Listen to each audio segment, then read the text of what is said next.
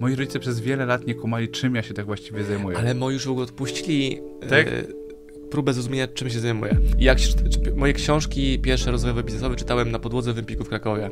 Tak siadałem tam na pół dnia, po południu na przykład i czytałem książki, bo nie miałem czterech dych na książkę. Pamiętam, że jedliśmy wtedy jakieś hamburgery z frytkami, ten McDonald's na Świętokrzyskie był naprawdę nikły. On z wujkiem rozmawiał, że CD Projekt ma wypuścić jakąś taką grę na bazie Sapkowskiego i to Mhm. ma być hit, nie? Faktycznie kupiłem za ostatnią kasę akcję e, CD Projektu i on wystrzelił chyba z 3 zł na 11. Ojciec lał mnie pasem. Za moich czasów dzieci były lane pasem. Nie no, byliśmy lani czasem. Byłeś. Twoje rodziny No, też byłeś lane pasem. Patrzymy w siebie, czy tam patrzymy? Patrzymy w siebie, patrzymy w siebie. E, W swoje wnętrze.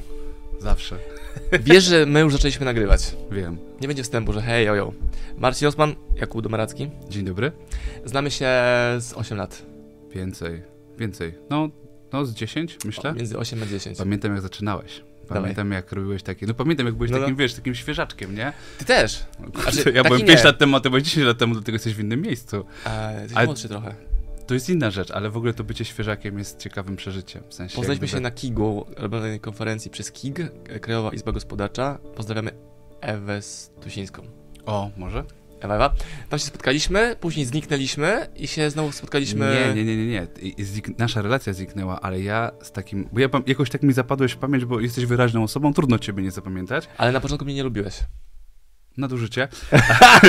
Ale wiesz co, nie, y, nie, nie byłem w stanie cię rozszyfrować, a, a ty byłeś taki intensywny, ja wtedy jeszcze nie rozumiałem, o co chodzi ze sprzedawaniem, w ogóle budowaniem marki osobistej. Wielu rzeczy nie rozumiałem. Ty też tego się uczyłeś, więc byłeś pewnie przerysowany Ja w pewnych kumałem, miejscach. nie kumałem finansów korporacyjnych, ty to kumałeś, a ja kumałem... Ja byłem taki fafarafa, brandu, nie? bezpodstawnie, w ogóle y, złe czasy, złe czasy. Ale nie, to były tamte A, ale czasy. powiem ci co innego, jak gdyby ja tak cię zobaczyłem, ty byłeś taki wyraźny, bardzo mi zapadłeś w pamięć i ty wtedy, ja wtedy byłem zatopiony w koncepcję bycia w korpo, dużym A. misiem, za tłustym i w ogóle wszystko źle. A ty wtedy zaczynałeś swoją przygodę z przedsiębiorczością. Ja wtedy jeszcze nie, nie czułem, że przedsiębiorczość to jest to, co gra mi w sercu i co No, będzie sensem mojego życia.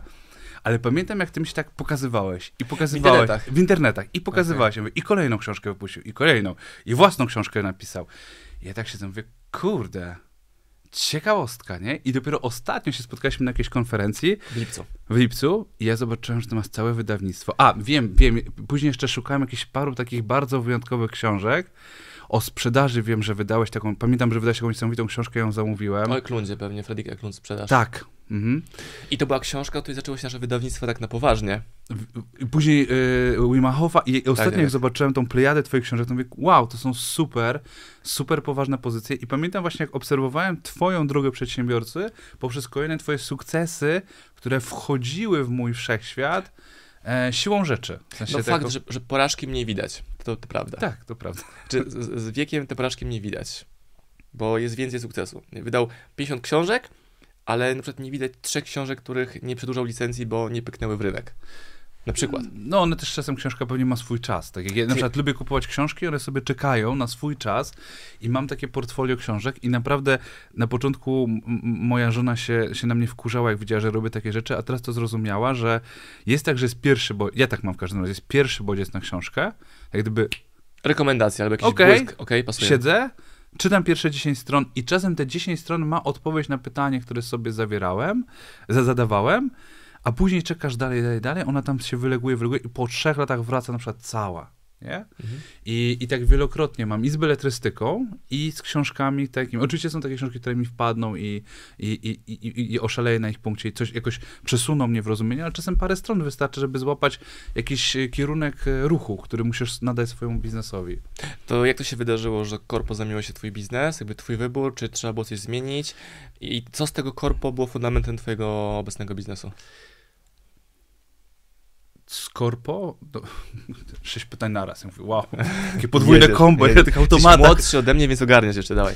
Wiesz co, ja nie kumałem, czy tak, mój ojciec i jego brat są przedsiębiorcami, syn brata rodzonego mojego ojca jest przedsiębiorcą. I zobaczyłeś, jak to wygląda, nie chciałeś tego robić. Nie, właśnie.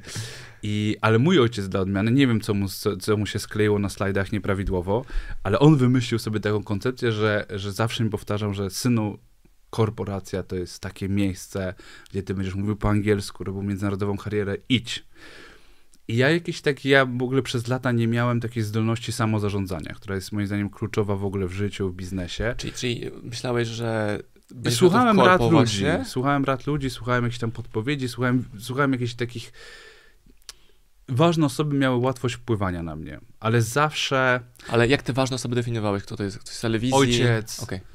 Przyjaciele, takie osoby, bardziej gdyby, gdyby nigdy nie miałem takich e, ważnych osób na poziomie e, telewizji, ale e, bardziej to były takie osoby gdzieś z mojego otoczenia. I em, to, to jest wielowątkowa historia, jak, jak to się budowało, no bo mm, ja nie, nie to, to samo zarządzanie budowałem sobie w sobie z czasem, w miarę jakoś tam, wiesz, pracy nad sobą takiej rozwojowej, e, ale jakoś tak trafiłem na, do szkoły głównej handlowej, bo jakieś tam, że to dobre studia, tam poznałem tam fajnych ludzi i tam jak gdyby zacząłem ewoluować pierwszy raz w kierunku przedsiębiorczości, bo najpierw skupiałem się w ogóle na fakcie zarabiania pieniędzy. I to jest w ogóle fajny leitmotiv do tej rozmowy. Skupiłem się na fakcie zarabiania kasy. W ogóle moim, o, takim, byłem opętany zarabianiem kasy, nie?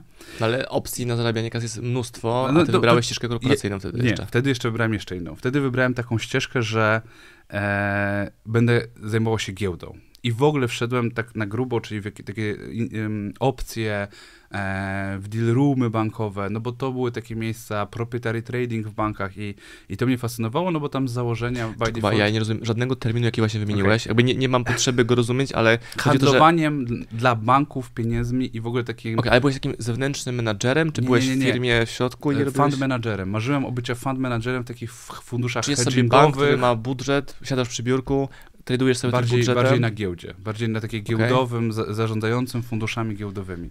I wydawało mi się to być a, fascynujące. a kto ci tam wpuścił do tego budżetu nie, to ja, to ja jak gdyby marzyłem o tym, więc zacząłem Okej, się uczyć, zacząłem czytać, zacząłem marzyć, jak gdyby było na pierwszym roku studiów. Więc zacząłem czytać literaturę, zacząłem studiować, chodzić na kursy i najpierw zacząłem od takich bardzo zaawansowanych instrumentów, które tam w 2008 roku wywróciły rynek. Akurat niefart był taki, że Mój ojciec wtedy miał taką usługę za, zarządzania prywatnym majątkiem i my byliśmy ustawieni przeciwko rynku jako rodzina. No Tak, byliśmy takiego zarządzającego. Znaczy, Ale cały czas działałeś w kryzysie- dziedzinie finansach. Mój ojciec od zawsze w biznesie zajmował się finansami, co Okej. później się składa dopiero na końcu w Value Finance, jak gdyby i w idei zewnętrznego dyrektora finansowego. Ale wtedy on zajmował się ze swoim bratem. Oni zajmowali się najpierw, najpierw robili biznesy na studiach, szyli paski i sprzedawali mandarynki z, z tych, z, jest jak to się nazywa, z takich łóżek. Tak, tak, rozkładanych. tak. Tak To- samo to, to ma jakąś nazwę. E, Handel obwoźny. Handel nie, obwoźny. handel obwoźny to jest jedna rzecz, ale te łóżka mają nie prycza.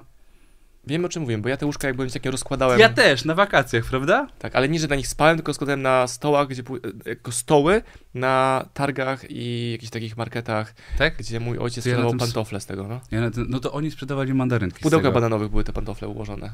Could be, ale później weszli w buty właśnie. Jak gdy No. później weszli w buty, idąc za rynkiem, zaczęli sprzedawać buty.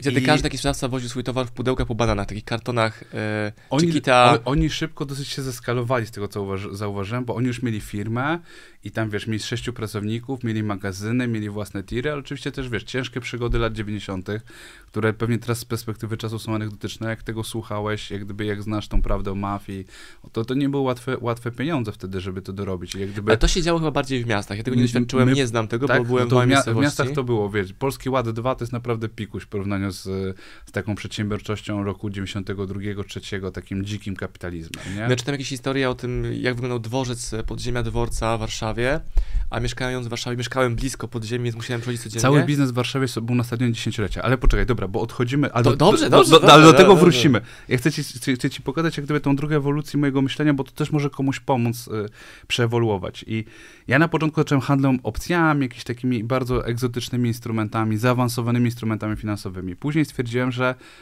kurde, to jest takie przewalanie cudzej pracy, jak gdyby nic nie tworzysz, jak gdyby nie jesteś jakimś takim... No nie, nie jesteś twórcą, nic nie wytwarzasz jak gdyby. I, Ale pracowałeś w nie cyferki. pracowałem, studiowałem, studiowałem. Studiowałem No, na no. Szkole Głównej Handlowej, to jest tam jedna z lepszych uczelni ekonomicznych. I gdzieś tam ewoluowałem od tej giełdy, pomyślałem, kurczę, chcę być bliżej tej giełdy. Więc zacząłem zajmować się już nie jak gdyby tymi instrumentami pochodnymi, czyli takimi rzeczami, które są, oni tam, prawie- no, no to, to są, są bardzo ulotne, no. W sensie, kiedy Pomyślałem, się pojawiła pierwsza kasa, taka, że poczułeś pieniądze, to zrobiłeś? kurde, wiesz co, ja zarobiłem mega pieniądze na Parę razy, bo to na giełdzie jak byłeś dzieciakiem. Ja na trzecim roku prawie wyleciałem ze studiów, bo prawie ani razu nie byłem na studiach, bo wstawałem rano i od dziewiątej rano handlowałem sobie, jak gdyby ojciec mi dał 20 tysięcy, tak żebym się uczył i ja sobie tam tym handlowałem, nie? W sensie i tam... Kiedy poczułeś pieniądze, że hej, zamieniłeś 20 na 28, a później na 94. Szybko bardzo. Zamieniłem to na tam 28, 30, a później zamieniłem to na trzy koła na przykład przez dwa dni. Że cyk, cyk, uczyłeś się. Tak. Okej, no. Nie, nie uczyłem się, po prostu popełniałem błędy. Ale później faktem jest, że, że cała ta historia się spieniężyła w tym, że e, z kolegą, który, no to mniej- mniejsza o nazwiska, z kolegą, który teraz też jest sławnym startupowcem, siedzieliśmy, pamiętam, w Na Świętokrzyskiej i, i o, to w ogóle taka absurdalna historia i pamiętam, że jedliśmy wtedy jakieś hamburgery z frytkami, ten ha- McDonald na Świętokrzyskiej był naprawdę nikły i była rozmowa o tym, że on z wujkiem rozmawiał, że CD Projekt ma wypuścić jakąś taką grę na bazie Sapkowskiego i to ma Mhm. być hit, nie? I ja pamiętam wtedy, chwilę później wyjeżdżałem na wymianę do Indii na pół roku, która też była dużym game changerem, bo potem już nic nie było normalne. Tak- Też, też Mhm. zaliczyłem swoje pół roku w Indiach, gdzie musiałem odkryć sens życia i faktycznie dużo rzeczy tam odkryłem. Takie oderwanie kulturowe od tej Europy i, i bycie tam prześmiechów. Pranie w Gangesie. Coś w tym stylu, były takie Mhm. klimaty. Bardziej spanie na ziemi i po prostu taki miałem na przykład taki czas, że bo ja źle przeczytałem e, te e, dokumenty od wymiany i spóźniłem się, trymestr trwał tam nie trzy miesiące plus, ja się spóźniłem chyba z dwa i pół tygodnia, więc tam zostało mi dwa miesiące z hakiem tych studiów. W robocie ówczesnej wziąłem, dostałem pół roku wolnego, miałem trzy miechy na jechanie z plecakiem po Azji, Hmm. a kasę na to miałem z tego, że właśnie ten kolega, z którym gadaliśmy w McDonaldzie, faktycznie kupiłem za ostatnią kasę akcję e, CD Projektu i on wystrzelił chyba z 3 zł na 11. I zarobił na tym ile? No z 3 na 11, czyli tam potroiłem kapitał, czy tam prawie z 3 zrobiłem... Ale pytam o bazę kapitałową, jaką miałeś. 3 zł na Trzy- 3. Nie, 3000 jakieś takie, ale Okej, to mi starczyło w Indiach na Tak, pół roku tak, życia, nie? tak. Bo ja tam płaciłem za e, akademik z wyżywieniem 1200 zł miesięcznie, to, po, to chyba trzeci albo czwarty najlepszy uniwersytet w Indiach. I, e, i, I po prostu jechałem z plecakiem, poznałem masę jakichś takich dzikich ludzi, niesamowitych, nauczyłem się podstaw medytacji, siedziałem przez dwa tygodnie i jeździłem po klasztorach takich e, w, w Ladachu, to jest taki, to jest A miejsce- szramy, nie, a szramy sprzątałeś swoich no obowiązkach. nie sprzątałem, ale, ale, ale, ale tak się szlejałem między nimi z Mm. plecakiem, e, no po prostu się tam szlejałem. Gdyby, Surfowałeś przez życie. No szukałem sensu i pamiętam taką rozmowę, że w, w moją ówczesną dziewczyną się spotkaliśmy w Tajlandii. Ona była wtedy taką dziewczynką robiącą mega, dziewczynką, to jest pejoratywne, dziewczyną robiącą karierę w korpo. E, a ja pamiętam, takie, mam, mam jeszcze chyba gdzieś te karki, takie drzewka, wracać do Warszawy, nie wracać do Warszawy. I autentycznie to tak sobie zdefiniowałem jakie takie poczucie skrajnej wolności. Miałem, miałem takie poczucie, że mogę nie wracać, w sensie mogę nigdy nie wracać. Teraz na przykład to zredefiniowałem, bo nasza firma jest w pełni zdalna i, i na przykład moja nowa szefowa sprzedaży jest, jest takim nomadem technologicznym, siedzi teraz na Bali, kompletnie nie czuje różnic, bo zaczyna sobie pracę o 15, kończy o 24, jest normalnie w strefie czasowej, ma tam super łącza i jest normalnie tak samo jakby była, e, ona tam mieszka gdzieś przy łazienkach Mhm. e, i nie ma różnicy. Ale na- jak wylądowałeś z tego ashramu, nie ashramu No. na Domaniewskiej? Wylądowałeś na Okęciu, okej, to Przez przypadek. autobus, nie, na... przez przypadek. To jest, to jest wszystko kwestia networku. Po prostu ktoś mnie znalazł i ktoś powiedział, że ten chłopak ma talent i, i wylądowałem w dużej grupie bankowej jako prawa ręka bardzo dużego pana prezesa, polskiego miliardera. E, o aktualnie średniej historii, więc, więc bez name droppingu. I, i tam i tam jak gdyby zostałem powołany do, do budowania takiego wehikułu zarządzającego jego prywatnymi Ja ten wątek pociągnę, nawet nie same nazwisko i tak dalej, a ten moment y, takiej kluczowej zmiany, no bo na mojej ścieżce Właśnie też mam... kluczowa, to nie była kluczowa zmiana paradoksalnie. To nie była kluczowa zmiana. Ale bo- wylądowałeś w- z dżungli y, na Domaniewskiej. Nie, bo ja już wtedy przed tą dżunglą siedziałem w Venture Capital. Jak gdyby już, ja już wtedy dostałem się do Venture Capital, siedziałem półtora roku w Venture Capital, bo ja zacząłem pracować po trzecim roku. Ale kim byłeś? Byłeś asystentem, Analitykiem, analitykiem, ana, nie, analitykiem takim, w sensie ja, ja trafiłem, zarabiałem chyba 6 stówek, pracowałem 12 godzin dziennie, 6 stówek to miesięcznie. kto cię dopuścił do bycia analitykiem? To jest znowu kompletny przypadek, bo Właśnie nie jest, to jakiś patent z tego wyciągniemy. Wiesz co, no to, to, to musielibyśmy wrócić do tego początku, co chciałem ci powiedzieć. Wiesz, zmywałem garnki w Anglii. O, Byłem- no i dobra, podawałem talerze w bogatym ludziom. Ja, ja też, podawałem zmywałem, talerze. zmywałem gary w Newki. W Newki to jest na południu Anglii, taka surferska miejscówka. Trafiłem tam z plotem beznadziejnych historii, bo mój ojciec wtedy stracił dużą część majątku. Nie mieliśmy kasy, więc ja musiałem jakoś zarobić. Zacząłem między studiami jeździć do roboty na wakacje. Ja autentycznie myłem garnki w Newki. W Newki. I teraz mój ojciec ma różnych kumpli przez to, że był przedsiębiorcą i jakiś tam jego kolega miał kolegę w Londynie, e, który pracuje w banku, tak mi powiedzieli, nie? I, e, i, i, a to było, to miałem 18 lat, to jest moment, kiedy mam Ale wiesz, 18 lat. ważne jest to, kto... Mamy, mam... Poczekaj, to, daj mi to skończyć, bo ta historia jest dobra. I ja tam z tego niuki wracam, chcę pojechać do Londynu, nie mam za dużo kasy, bo tam jakoś nie byłem wybitnie e, taki frasobliwy w odkładaniu kasy z tego mycia garnków. Nie jest tak, że byłem jakiś mega, ale e, umyłem te garnki z gościem, który dzisiaj ma zajebisty matematyczny startup. We dwóch tam siedzieliśmy e, i też pamiętam, że go śledzę czasem na social mediach, widzę, że jemu też bardzo dobrze idzie. Pamiętam, były tak duże garnki czasem, że je, on mnie trzymał za nogi, a ja tam jak gdyby myłem je na spodzie. Myśmy we dwóch myli tam gary, mieliśmy bardzo spoko szefa kuchni, dawał nam czasem tuńczyka, bo zajebiście. I wracając z, tej, z, tej, z tego niuki, zmywając garnki, mój ojciec tam mówi, słuchaj, to załatwiłem ci takie spanie e, u takiego gościa, co pracuje w banku. Brzmiało tak na recepcji. Ale przy, ja tam jak gdyby dowiaduję się, że to jest dom w szóstej strefie i tak mówię, kurczę, dom w szóstej strefie, nie, wtedy nie znałem jeszcze Londynu, jak gdyby dopiero później pojechałem tam na chwilę na studia i ląduję w takiej chacie i już widzę, że coś jest nie halo, że on na tej recepcji albo jakoś zajebiście wszędzie, albo coś jest nie halo, bo szóstka strefa, czyli to jest jeszcze taka cywilizacja, dojeżdżasz metrem, dom, cztery sypialnie i ogród w Londynie i dwa samochody na podjeździe. I to tak mnie mówię, no i zaczynam pytać, czym się ten gość zajmuje. I okazuje się, że gość się zajmuje w Venture Capital, jest Polakiem, który... ja ci wejdę tę rozmowę, No. ja ci nie przerywam tej dyskusji, tylko coś Dawaj. muszę dorzucić. Mega ważne jest to, to jest tak- taki ucha, No. jakich znajomych ma twój ojciec? Ty miał, twój ojciec miał takich znajomych, a wiesz, jakich miał znajomych mój ojciec? no. Mieszkałem w Londynie, pracowałem w knajpie w londyńskiej, więc aby endgame jest taki sam, nie? Ale mój ojciec miał pracownika, który układał mu płytki w firmie, w łazience. Zgadali się, że Marcin chce do Londynu pojechać. Więc mój tata, a propos swoich znajomych, załatwił mi pokój w Londynie w trzeciej strefie u, u polskiego strefa. robotnika, No. Który wykładał płytki tylko, że w Londynie. To był jakiś szwagier tego, z- tego z Polski. I on wracał do Polski na trzy miesiące y, tej przerwy wakacyjnej, No. a ja skoczyłem na jego miejsce. Więc ty miałeś willę, a ja miałem pokój robotnika w czteropokojowym mieszkaniu w trzeciej strefie, e, który wykładał płytki. Okej. I jest ważne na takim punkcie startowym, jakich znajomych ma twój ojciec. Twój cię wysłał tam, Ale a po- mój mnie wysłał... Ale powiem ci, on nie wiedział, że mnie wysłał. On myślał, że po prostu będę miał dach nad głową. To był kompletny przypadek, bo to jest jakaś taka historia jego kumpla z osiedla, którego, którego znam, pana Wiesława, który też w sumie nie wiedział, czym ten gość się zajmuje. Więc to oni naprawdę tam nie było takiej intencji, hej stary, zrobisz karierę, będzie zajebiście. Nie. To był po prostu gość, którego oni kojarzyli, że można się u niego przespać, bo on się wyprowadza z Londynu do... On też nie wie, gdzieś, gdzieś w Stanach będzie mieszkał. Tylko nikt nie obczaił, że on z Londynu przeprowadza się do Silicon Valley, jest jednym z największych inwestorów venture capital. Oni w ogóle nie... Moi rodzice przez wiele lat nie kumali, czym ja się tak właściwie zajmuję. Ale moi już w ogóle odpuścili Tak? Próbę zrozumienia, czym się zajmuję.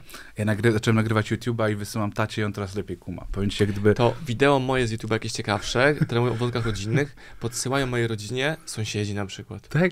Albo jakiś wujek ty, ty, masz, zbulwersowany ty masz większe zasięgi.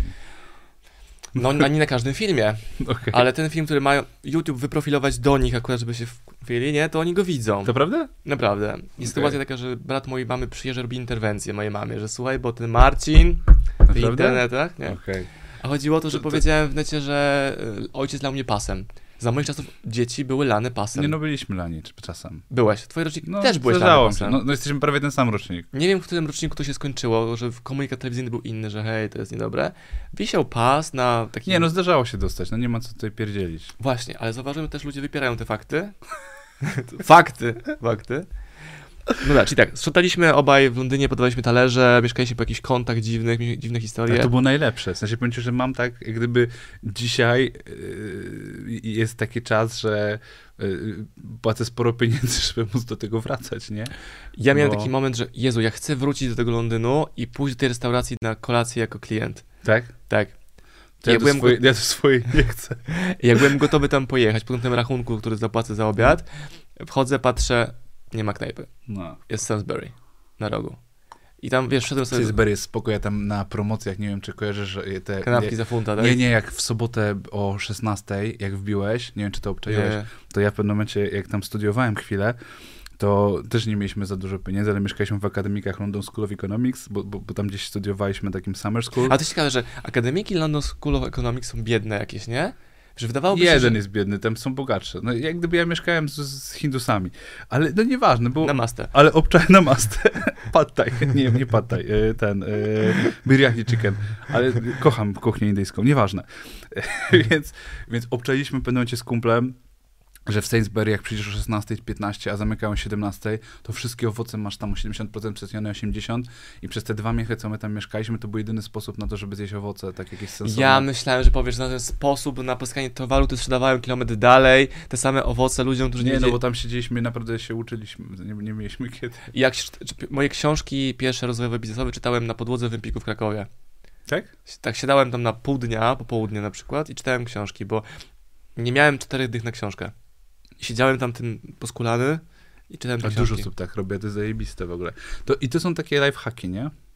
No, takie małe kroki. Jak ktoś pyta mnie, co robić teraz, Czekaj. no, mm, dobrze jest, dobrze nie, jest. nie, nie, poczekaj, nie, bo, bo to jest, jest fajny, fajny cytat do tego. Tylko nie wiem, czy to jest Nawala, czy ostatnio znalazłem takiego gościa na Instagramie Hermi, Hermi, Jak Hermina. powiesz ten cytat, to będzie, że jest twój, to może być... Nie, nie jest mój, więc nie chcę, nie, gdyby nie chcę takie rzeczy, nie jestem coachem. Ja robię twardy biznes. Nie podszywam się pod cudzą mądrość. E, education, mm, education is expensive, learning is cheap. I to jest właśnie to, co ty zrobiłeś. Że wiesz, pójście na studia ICANA kosztuje 7 koła za ileś tam zjazdów, a czytanie książki w Empiku, czyli learning, it's cheap, nie?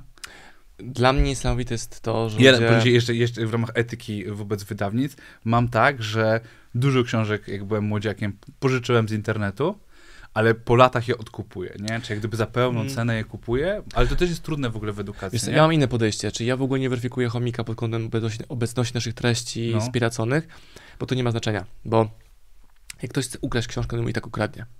Więc mi chodzi o budowanie takiej wartości, że jaką książkę Tylko ukradł, książka jedną cię uczy, posu... czy nie wiem, ja mam takie poczucie długu wobec kogoś, kogo się nauczyłem ale to i jest, to jest świadomy klient, oświecony, No. który rozumie takie mechanizmy wdzięczności, także czekam na twój przelew, nie dostałem jeszcze, ale poczekam. ale od ciebie nic nie buchnąłem, od ciebie kupiłem za stówę bodajże Czarne Serce No. i też zacząłem chwilę czytać i czuję, że ta książka przyjdzie swój czas i... No. a i kupiłem za pełną cenę tego właśnie speca od sprzedaży, Jak lunda. Eklunda.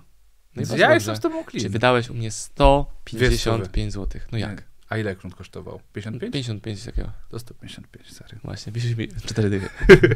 Ale chodzi mi o to, że dzieją się takie małe, dziwne rzeczy No. i zauważymy, że są dwie porady dla młodych ludzi. Jedna jest taka, którą ja polecam.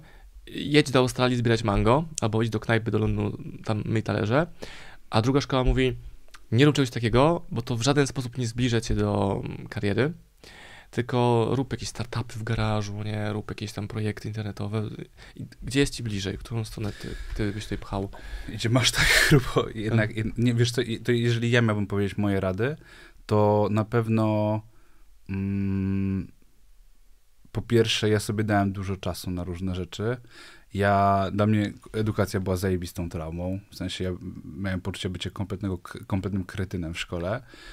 I e, później jak gdyby podążałem za cudzymi, e, cu- cudzymi e, snami i tak naprawdę musiałem zrobić taką rundę.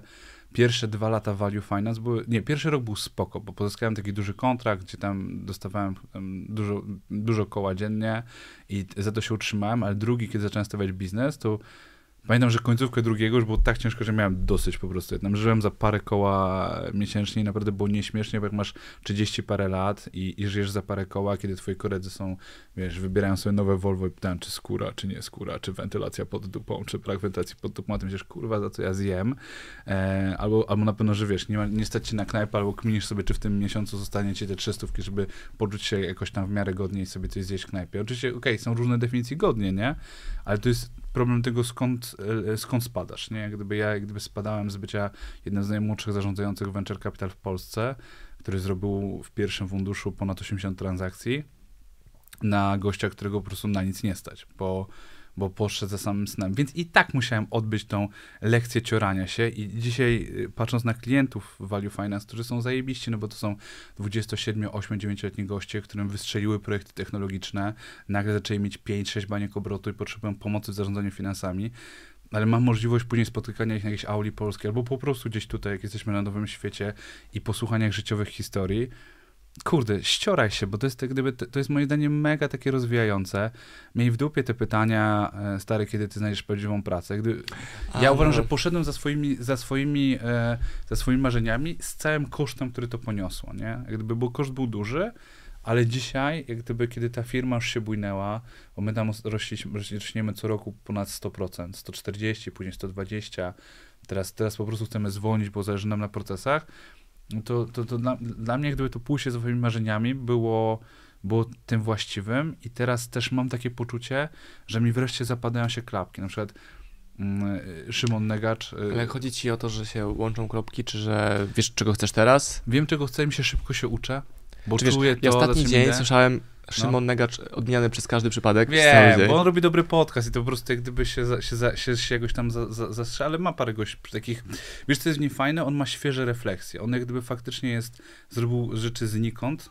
Faktem jest, że w niektórych środowiskach on jest tam na poziomie półboga, e, to nie uważam za jakiś tam, że faktycznie ma super refleksje i, i to, to, to, jest, to jest dobre. Wiem, wiem gdzie byłeś, więc, więc domyślam, że tam faktycznie Tak, tak. odmieniany przez każdy przypadek. Mm, Jest gościem, który naprawdę jest głodny, jest młody, zrobił to sam i, i wiele rzeczy, i wiele, wiele ścian przebył swoją To głową. była lekka dygresja, wracając do No. nas, że ja uważam, że to praca w restauracji dała mi ekstremalne, ważne doświadczenie, Co bo ci dała właśnie? próbowałem e, mega drogich alkoholi, Ale tam ale nie jakieś, nie, nie, nie, jakieś właśnie zapleczowe chlanie, tylko barman mówi mi, hej Marcin, dam Okej. ci coś spróbować. I dosłownie kapał mi jakieś kropelki na trzy łyki, jakieś tam drogie whisky z najwyższej półki. I mówi, zobacz, to kosztuje ciebie 50 funtów na przykład, nie? To nawet nie jest pełna lampka. Pamiętam, jak podałem talerz z obiadem tak gościowi, tak, ja znam tę twarz. I to był Colin Firth od Love Actually, ten, guy, ten, No. ten, guy, ten gość, nie? Tam milion filmów zrobił później i tak, ja mu podaję obiad i on jest obok mnie i teraz ja nie chcę podawać obiadu. Ja chcę być w innym miejscu i zobaczyłem ludzi, którzy są w innym miejscu niż ja byłem, czyli wywodząc się z mojej miejscowości, widzisz gościa, który na przykład jest mega znany, zna go każdy. Ale to jest taki moim zdaniem ta, ten punkt przełomu, że jak gdyby jak, jak dotykasz kolejnego świata, jak gdyby integrujesz sobie to, kurde, dobra. I jak gdyby wysyłasz taką, nie wiem, taką, no nie wiem, kierunkujesz swoją energię, że chcesz się tam pchać, nie? To jak w grze Ale strategicznej ten taka mgła się z mapy od, e, odsłania. Wiesz o co chodzi? Coś w tym stylu, nie? Że nie widzisz całej mapy, ale widzisz, że ona trochę inaczej wygląda. Ale to jest ta koncepcja eksploruj, nie? To jest ta koncepcja, że jak gdyby, że eksploruj. Dla mnie jak gdyby akurat ja, ja wtedy, dla mnie w drugą stronę to robiłem, to znaczy ja siedziałem w dużym korpo, w pięknych wieżowcach, nie na Domaniewskiej, tylko nawet wtedy w UFC, to było takie centrum, Warsaw Financial Center, więc to takie centrum finansowe.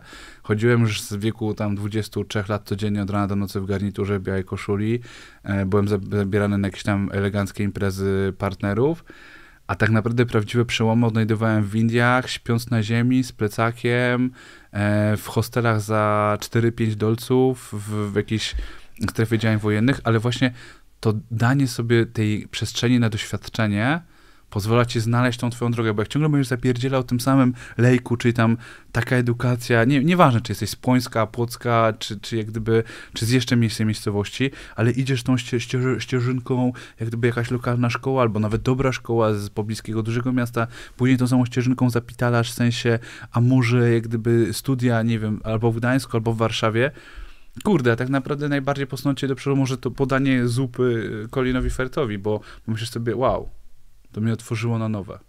Tak, i To to, mi, to, też odczarowuje te mity niedostępności. E, o, to- a to jest ogromny mit, który zabija, nie? I, i tak naprawdę jak go a wszystkie przełamujesz, są dostępne i to nie brzmi... wszystkie. Że nie chcę, żeby to brzmiało, że you can do it like Tak gdyby, everything. ten To, to, nie, to nie jest to.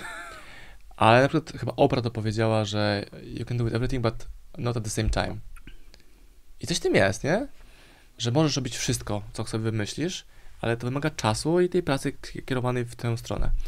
Moim, wiesz, przełomem było, że zobaczyłem gościa, który jest w wieku mojego ojca, jak miałem tam z 16-18 lat i jeden miał biznes, drugi miał biznes. Tylko, że mój ojciec zasuwał w biznesie cały czas, nie miał energii, czasu na nic w ogóle innego. A ten gość, Romek, jeździł wtedy w moim odczuciu mega furą, bo takim wielkim espasem Renault. Pakował wędki, jechał na ryby w Polsce i w świat. I on w środku rzeki trzymał wędkę w jednej ręce, a w drugi telefon. I wtedy te, dla mnie telefon był takim symbolem wow, ale on cały czas gada przez telefon, czyli on ma narzędzie, które wiesz, bez limitu używa, a ja miałem tam trzy SMS-y mogłem wysłać w tygodniu, bo kosztowało to złote 80 za minutę. No, A on robił biznes. Zobaczyłem, zobaczyłem innego gościa, No. wieku mojego taty. Hej, można chyba trochę inaczej. Więc się zbliżyłem do, do znowu do niego e, i wtedy jeździliśmy i nam mówił mi jakieś tam dziwne rzeczy, których nie rozumiałem wcześniej, że tam jest członkiem zarządu jakiejś e, firmy, że on za obiad to płaci fakturą firmową i że to jest okej, nie, nie, ma jakiś budżet reprezentacyjny na wyjazdy. Jem w jakiejś restauracji w ogóle fancy on Mm. I to by się w ogóle nie wydarzyło, gdybym go nie poznał. Więc to był pierwszy Ale to jest w ogóle, to wydaje mi się, że, że to, no bo ja na przykład jestem na takim etapie, bo ka każdy ma swoje jak poznaję tych swoich, tych przedsiębiorców, y, no właśnie dzięki, dzięki tej pracy, którą, którą mam, to, to wiesz, niektórzy goście teraz są na takim etapie, że zawsze są wyższe ligi, nie? Bo jak gdyby faktycznie tam, jak gdyby endgame'em jest Jeff Bezos, ale jak gdyby, ale też przed Bezosem Bezos musiał sam w ogóle przecierać szraki, bo tam przed nim nie było nikogo, bo on tak grubo poszedł do przodu. Ale chodzi mi o to, że to zdejmowanie sobie ograniczeń jest kluczowe w biznesie. Ale też tym, I do czego takie- zmierzasz? No, ja miałem firmę, która miała 25 osób na pokładzie, wielkie biuro, szklane drzwi w centrum Krakowa, No. ale zbudowałem firmę, bo wydawało mi się, że tak trzeba budować firmę. Ja w ogóle nie miałem pojęcia o budowaniu firmy opartej na o jak najmniejszej liczbie pracowników, a jak największej efektywności pod kątem zysku. Nie miałem. Miałem obraz firma, pracownicy, duże marki, które ze mną pracują i to był mój obraz, jaki wniosłem Bo co, co ty wtedy prowadziłeś? agencję reklamową w Krakowie. Okej. I mieliśmy w pierwszym miesiącu 2000 przychodu, w drugim 3, a w trzecim 250 tysięcy przychodu. No. Nie, więc pomyśl sobie, co się działo w ogóle w naszych głowach, jak tam wystrzelił kontrakt duży i trzeba było zatrudnić ekstra 15 osób w tydzień na przykład. Bo nie wiedziałem, że mogę to zrobić trzema osobami. Bo nie wiesz, bo, bo ufasz, no więcej, no więcej, tak. Że przykładałem zarabianie do więcej zasobów, a nie zarabianie do większej efektywności, żeby z tego klient miał efekt, ale mega zysk. Też powiem ci to, co ja widzę, to jak, jak ja zaczynałem w tym świecie technologiczno-startupowym jakieś takie, kurde, no ja w tym siedzę 12, 14 lat, to i tak uważam, że to, co jest genialne w ogóle, to, co się wydarzyło, co, co wydaje mi się, że to jest źródłem sukcesu Silicon Valley, że kurczę jest mega dużo wiedzy, nie? Gdyby, że na, jak my zaczynaliśmy, pamiętasz te 12 lat temu, kurde, to nic, ja Ostenwaldera, pamiętam, ściągałem z Londynu po angielsku i to był wielki hit. e, Modele biznesowe, modele tak biznesowe, kanwy i ja wtedy jak gdyby to wprowadzałem do funduszu i w ogóle pokazywałem, że można w ten sposób patrzeć, w ogóle usystematyzować sposób myślenia o biznesie. Dzisiaj to wszystko jest po polsku, ale też ja mam poczucie, że ta scena polska, te, taka, ta młodych przedsiębiorców bardzo ruszyła. Ja jestem nią użyczony. Ale wiesz, co nie ruszyło? I ja też w tą pułapkę wpadłem tam lat No. temu 12 czy 10, że jest budowanie firmy, ale bez skupienia na sprzedaży i zysku i analizowaniu cyferek. Ja budowałem firmę, to rosło, puchło, No. a czemu nie fokusowałem, że miałem inne KPI w ogóle. Czy uważam, że to jest kolejna faza? Jak gdyby to, co ty robisz i mi bardzo zaimponowało, jak mieliśmy ostatnio jakąś taką, złapaliśmy się na telefon i, i tak po prostu sobie pogadać, e, i to jak efektywnie ty budujesz swoje, swoje, no małe imperium, a tak naprawdę Ale pytanie jest, czemu... Bo to jest kolejna faza dojrzałości. Jak gdyby wydaje mi się, że teraz będziemy chodzili w Dobra. taki okres Ale doj- dojrzałości myślenia o biznesie. No. Tak samo mnie to ciekawi, co ty myślisz. No. Czy to musi być taka fala, taka faza, czy może być inna, że ktoś nas słuchając wchodzi na poziom drugi bez przejścia level Tak, one? młodzi. Tak samo na przykład, wiesz, jak, jak w Afryce e, oni przeskoczyli e, jakąś tam fazę rozwoju technologii i teraz sobie wszyscy płacą telefonami, bo oni nie mieli systemu bankowego. Na przykład Polska jest jednym z bardziej rozwiniętych rynków, jeżeli chodzi o taką fintechowy potencjał, ponieważ nie, nie szliśmy ewolucją, tak jak e, dostałem od ciebie prezent wchodząc to a propos ewolucji, gdzie jest, e, otworzyła to o, o, kart, taki zestaw kart o postawach. I tam jest, wszyscy, wszyscy, wszyscy gadają o tym, że ni, nikt nie lubi zmiany. I tam jest taka piękna karta, którą nie wiem, czy ona jest losowa, czy tą celowo Znaczy, dać jako zawartość taka pierwszą. sama, ale losowość jest... Tak. To, to maszyna wkłada, ja, ja, ja wziąłem pierwszą kartę. Jedną osobą, która kocha zmianę jest obstrany Bobas. No Tak. I to jest obłędne. I to moim zdaniem pokazuje e, te zmiany, że trudno jest na przykład amerykańskiemu rynku płatności, który jest tam jakiś zastany, Ja zewoluować. Czeki w ogóle, konto. Tak, a my, no. zobacz, Polska jest bardzo szybko weszła w karty i w inne rzeczy. I ja wierzę w to, na przykład teraz mamy niesamowitych klientów paru, 25-4-latków, low-techowo, low, low-codowej, no-to- no- no-codowe software house, gdzie mówimy o rentowności pierwszego stopnia na ekstremalnych poziomach. To jest, to jest 50% to oni już tam, wiesz, to, to, to, to już tam netto zostaje, okej, nie? okej. Przy 50 to oni w ogóle telefonu nie odbierają. To w ogóle, to, to w ogóle to się nie da zarobić, jak zarobisz 50% na, jak masz rentowności, to, gdzieś z tego zostaje. I oni mają 24 lata, już są w innej kulturze wychowania, w innej koncepcji. Eee, mi na przykład bardzo imponują ci ludzie, którzy, wiesz, zaczynają kodować w wieku 12 lat i idą za swoją pasją, nie? Mam nadzieję, że będą na tyle odważni, bo moim zdaniem to będzie, tyle, to, to będzie ważne w rozwoju, żeby w wieku 28 lat to rzucić na przykład i, i znaleźć inną prawdę na swój temat, nie? Żeby, żeby nie Ale było tak, ludzie że... nie chcą tego robić. Ty powiedziałeś o tej zmianie. Ludzie No. myślą, że jak nie podejmą zmiany, to ona się nie dzieje. Ona się dzieje równolegle obok nich i widziałeś jakieś, nie wiem, covidy, które wywaliły życia ludzi, bo nie byli gotowi na zmianę. Tak. Jak zaraz będą jakieś zmiany pod kątem finansów, podróżowania, whatever, nie? Inżynier świata, gdyby to suwa. Tak, i, i to się mo- moim, moim zdaniem jesteśmy tacy wszyscy przerażeni tym AI-em i, i, i, i innymi Ale- rzeczami, a e, co jest kluczowe w AI-u moim zdaniem, co ja mam taką myśl i moim zdaniem ona się potwierdzi, są dwie kluczowe myśli na temat AI-a, które, które, które, które ja kiedyś tam złapałem i one mi się potwierdzają coraz mocniej. Pierwsza jest taka, że tak samo jak kiedyś były buty robione tylko na zamówienie, a później zaczęły być fabryki butów i to nie było to samo, co buty na zamówienie, ale okazało się, że nagle wszyscy mogli zaczęli mieć buty, tak samo wszyscy będą mogli kodować. Ale druga prawda jest taka, którą widzę w AI-u, że to jest metoda, e, jak to się ładnie mówi e, w, w całym biznesie twórczym, e, recyklingu treści. O, AI nie wytworzy, wszystkie obrazy, które wytworzą AI, są pochodną po, po obrazach wytworzonych przez człowieka w sposób pewien finezyjny, potwierdzony. Ale poczekaj, bo ta, ta myśl jest głębsza.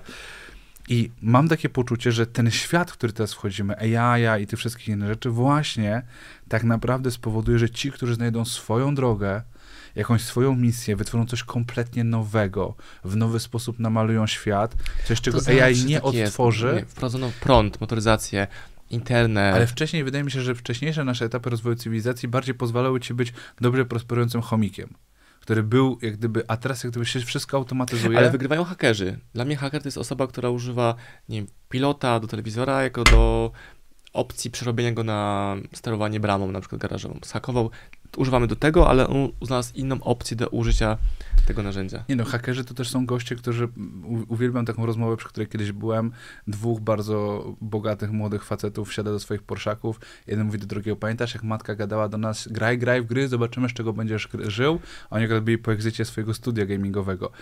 No ale no właśnie, gdyby, ale oni poszli za swoim snem, nie? Jak gdyby i gdzieś tam to się złożyło razem z jakąś tam falą, ale, e, ale, ale wydaje mi się, że, że te, te nowe czasy, które teraz przyjdą, będą czasami ludzi, ludźmi głęboko zatopionych w jakąś swoją fascynację, nie? I szkoła na pewno jest jak gdyby, trud, szkoła jest trudna, nie? No bo szkoła została wymyślona po to, żeby duży przemysłowcy mogli zamienić wieśniaków w takich e, sensownych pracowników. Ale wiesz, jaki lament się podnosi, jak ludzie widzą w internecie, że biorę swoje dzieci w środku roku szkolnego, a mam je zaledwie w przedszkolu, a nie w szkole takiej już e, podstawowej i wyjmuję na miesiąc z tego przedszkola i będzie, ale co z relacjami z kolegami, ale co z opuszczeniem zajęć? A moja córka chodzi po Muzeum Wielorybów na Maderze, czyli na Maderze, gdzie oni wyciągali te wieloryby z tych, tych oceanów i na tych plażach tam je uprawiali. no. Nie, że to nie jest muzeum w Warszawie o wielorybach, tylko to jest na lądzie, gdzie to się dzieje. no. Jest muzeum bananów i ona chodzi sobie po muzeum bananów, gdzie dokładnie pokazują, jak rosną banany, ale one tam rosną, no. te banany. Dotyka sobie tego banana i tam się uczy o czymś takim. I ktoś uważa, że to jest mniej istotne, naprawdę są tacy ludzie, niż to, że ona nie jest Ale wiesz, szkole. mają prawo, są na jakimś etapie rozwoju. Ale to jest masa i to by sztuką jest z tej masy się wybić i tak, wiesz, i taka kulka i tak być sobie z boku tego. Więc to jest Mm. chyba największą największym wyzwaniem młodości, nie? że żeby umieć Ale się nawet nie odłączyć. młodości, bo możesz to, na etapie po 40 też to możesz Bo zrobić. mi się wydaje, że to z wiekiem przychodzi, ale znowu to jest moje zakrzywienie Nie, nie, nie, rzeczywistości, bo w mojej bańce W twojej znajomych bańce z wiekiem to przychodzi, ale w generalnej bańce to nie przychodzi. Ja akurat, wiesz, ja jestem zafascynowany, no bo jak gdyby mój, jak gdyby całe value finance, jak gdyby to, że my jesteśmy w tym eko- ekosystemie technologiczno-sasowym, ale też mamy świetnych młodych przedsiębiorców, też dwudziestoparoletnich gości, którzy, którzy wiesz, No ale na co dzień jesteś w środowisku ludzi, którzy osiągają, którzy walczą, hastlują, cisną i w większości wychodzi, No. więc to jest twoja perspektywa świata. W mojej perspektywie świata, co jest mega kontrowersyjne, nie ma inflacji. Znaczy, ja wiem, że ona jest jako zjawisko, mhm. wiem, że jedyną opcją, żeby sobie z tym poradzić, jest zarabiać więcej, no tak, więc przyjąłem strategię zarabiania więcej w sposób dywersyfikowany. Koniec tematu. Nie, o, oczywiście, ale gdyby tu, tutaj akurat łączymy dwie trudne historie, bo jak gdyby so, są pewne masy, które są na jakimś etapie rozwoju, rozumienia świata. Jest okej, a nie wszystkie treści są dla mas. Jak gdyby bycie przedsiębiorcą nie jest... y, Ale chodzi mi o to, Kuba, że No. właśnie rozkminka tego czegoś, to jest moment przełomu, moment błysku. Zauważasz, ej, świat wygląda w inny sposób niż wszyscy na to patrzą. I sztuką jest mieć odwagę, świad- samoświadomość i odwagę, żeby z tego się wyrwać i myśleć inaczej. No. Później się stajesz liderem, bo oni z tobą idą, jeśli ci wyszło, jak nie, no to, to ci nie wyszło. No ja akurat mam to szczęście, że wydaje mi się, że, że byłem w dwóch historiach, czyli jeden dałem się przejechać walcem e, koncepcji społecznych, dymałem jak ten debil e, na, na jakieś tam studia. Oczywiście jak gdyby w takiej szczytowej dojrzałości doceniasz wszystko, co, co cię spotkało w życiu. Ja jeszcze nie jestem taki mądry, żeby to docenić. E, moja żona jak gdyby tam pracuje nade mną, żeby...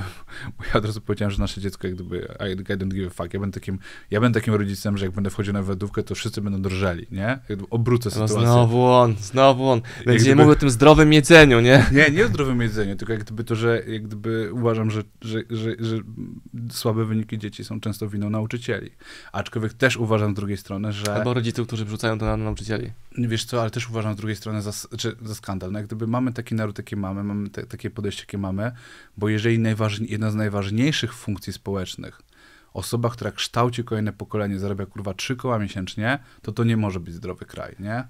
To to nie będzie dobrze. Więc jak gdyby ja, ja rozumiem, że ja najpierw muszę zapłacić za pracę tych ludzi, żeby rozumiem, że, że, że nie można za trójkę mieć motywacji. Oczywiście może być jakimś świrem, który czuje, świrem, pozytywnym zrozumieniu tego słowa, gościem, który ma zajebiste poczucie misji, że on e, jak gdyby będzie uczył tych ludzi, ale masowo uważam, że jak tępym narodem trzeba być, żeby doprowadzić do stanu, w którym nauczyciele mają tak niskie pensje, gdyby w sensie, jak masz Harvard, Oxford, Stanford, tam nauczyciel, wykładowca zarabia 100-150 koła euro rocznie i on ma czas na to, czyli to jest ekwiwalent prawie że miliona, żeby, y, wiesz, opracować najnowsze podejście do zarządzania marketingiem, najnowsze podejście do zarządzania finansami i, i, po prostu ma pieniądze. Więc ja na pewno, jak gdyby, wiesz, no, będę szukał szkoły, która dla swojego dziecka, gdzie po prostu, ja wiem, że muszę zapłacić za edukację, bo to państwo mi tego nie da, ale no, no, to dziecko się tam kształtuje. A druga rzecz jest taka, że na pewno nie będę w tej fali, w której my byliśmy wychowani. Nie Czy ty pamiętasz, jak to było, jak matka szła na wywiadówkę i dostałeś tam pałę, po prostu wiesz, ci nauczyciele i tam pani od matematyki to darła kapsko jak gdyby i ty tak siedziałeś i mówiłeś, Jezu, ja nic nie umiem z tej matematyki.